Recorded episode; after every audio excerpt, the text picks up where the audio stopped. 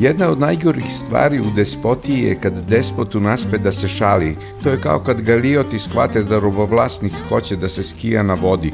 Uglavnom moraš slušati despotove pošalice, dosetke, viceve, stilske figure, moraš da trpiš njegove uzrečice, nemam s tim nikakav problem i njegovo nemilosrdno glumatanje puno uzdaha i dramskih pauza. Nakon šetnje koja nikome nije bila naložena niti plaćena, a u kojoj su bile desetine hiljada ljudi, despot se slikao sa dvoje svojih vazala, vazalom i vazalkom i napisao nas je samo troje, što je blagonadahnulo vazalku da iskopira dva raza sva nasmejana lica te da napiše Sad nas je devetoro, uskoro možemo na gazelu, što je vlastelinski način da se narugaju podanicima koji su prepunili centar prestonice i preprečili put za Carigrad. Da li je Vazalka razvila temu poteklu iz duha najvišeg bića ili su zajedno isplanirali ovaj skeč u dva čina? Šteta koju su partiji i sami sebi naneli, jer je dosetka naišla na podsmeh ili osudu, kako gde, ovako ide na dušu Vazalke, ali držim da se sama Vezirka ne bi usudila da prekorači prirodnu meru, ne bi od tugaljive male gluposti despotove smela da napravi trostruko veću.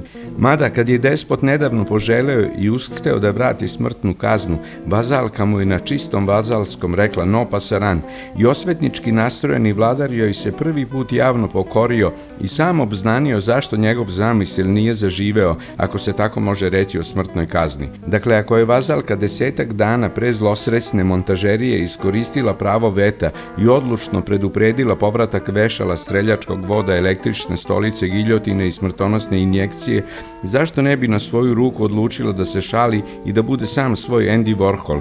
Ti belokosi umnožava i Marilyn Monroe ili konzervu sa nekom američkom vegetom, ja ću to da uradim sa grupnim portretom koji je delo mog i našeg demiurga. Bili se na primjeru jedinke dao pratiti nastanak i razvoj govora i mišljenja.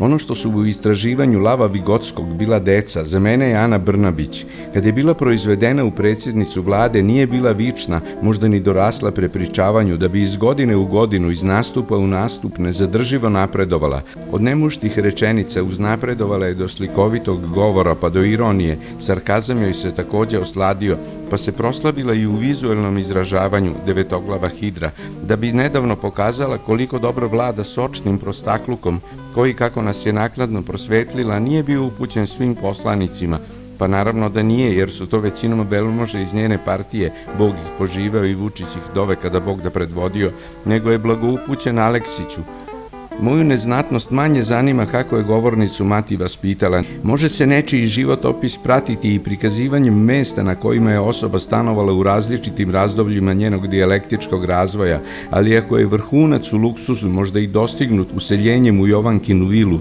Vrhunac u jezikoslovlju premijerka verovatno nije dosegla.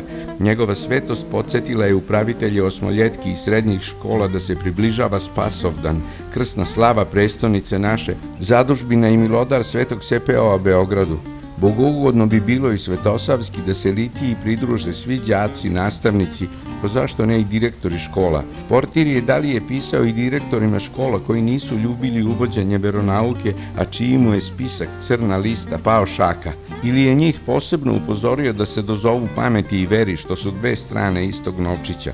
Rekao bih da najviši crkveni poglavar doživljava sebe kao svetog Savu, koji je kao što u himni stoji bio glava srpske i crkve i škole, Hoće li neko njegovu svetost, makar po službenoj dužnosti, podsjetiti da su crkva i država odvojene? Ba smo sveta različita, rekao bi sveti Toma, te da na litiju mogu doći samo đaci koji sami to žele, a ni pošto ne organizovani ili na uštrb nastave, jer će narodno dangubljenje i rasipništvo da se desi tek na drugi dan gradske slave, kada despot bude organizovano u varoš prestonu doveo i pristalice i nepristalice. Da, gospodar svetovni podsjeća me na balkanskog špijuna, kad Iliji priskaču u pomoći braća iz unutrašnjosti, nas čvorovića barem ima, da dođemo i da razbucamo ta Sledi reč iz jezičke riznice Ane Brnabić.